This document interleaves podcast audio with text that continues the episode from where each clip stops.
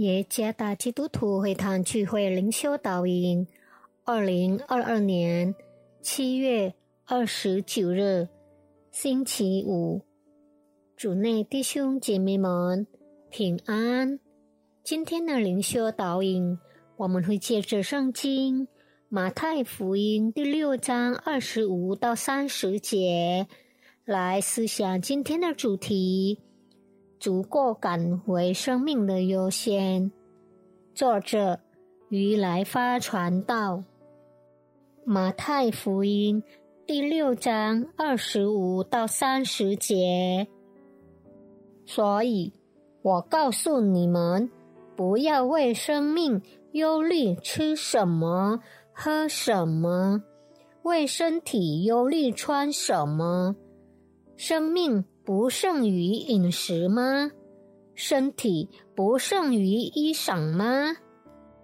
你们看，那天上的飞鸟，也不种，也不收，也不积蓄在仓里，你们的天赋尚且养活它，你们不比飞鸟贵重得多吗？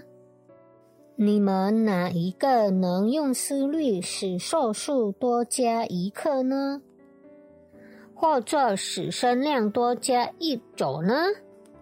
何必为衣裳忧虑呢？你想，野地里的百合花怎么长起来？它也不劳苦，也不纺线。然而，我告诉你们。就是所罗门极荣华的时候，他所穿戴的还不如这花一朵呢。你们这小信的人呐，野地里的巢今天还在，明天就丢在炉里。神还给他这样的装饰，何况你们呢？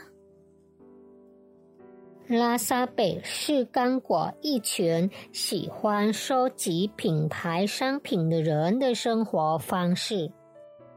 每个周末，他们出门都穿着知名品牌的衣服，比如 Gucci、Chanel、d o r c e g a b b a n a 等等。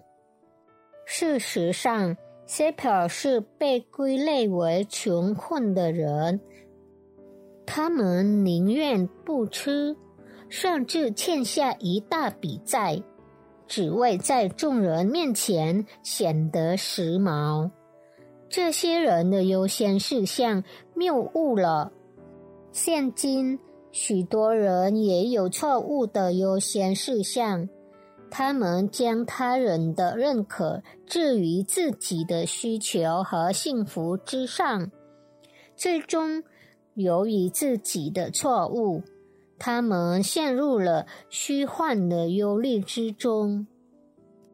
耶稣教导他的听众不要忧虑，并提醒他们生命中的优先事项。耶稣说：“所以，我告诉你们，不要为生命忧虑，吃什么，喝什么。”为身体忧虑穿什么？生命不胜于饮食吗？身体不胜于衣裳吗？耶稣的教导对于想要维持生存的人来说是非常合乎逻辑的。人类必须有以食为生的原则，而不是为吃而活。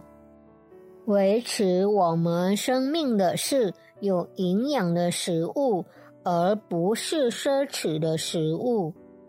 了解优先事项，将教会我们以知足感来生活。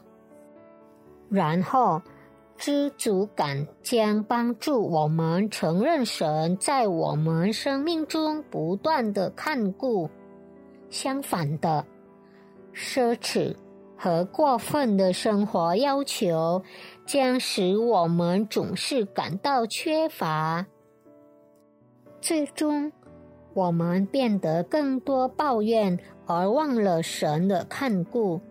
错在于自己不懂得生命中的优先。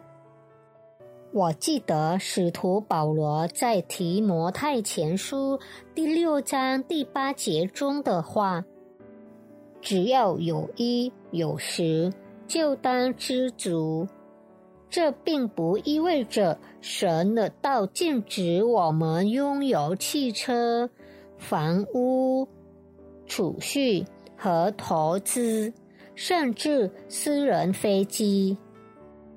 但是，如果我们不懂得知足，拥有那所有的一切，也不能保证过着幸福的生活。甚至当我们试图以神不喜悦的方式来获得财富时，生活也会变得混乱。作为神的儿女，我们需要学会拥有足够感。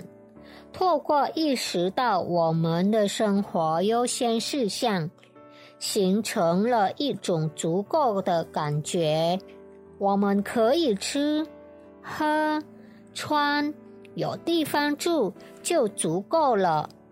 不要忘记为赐予我们今天的食物来感谢神。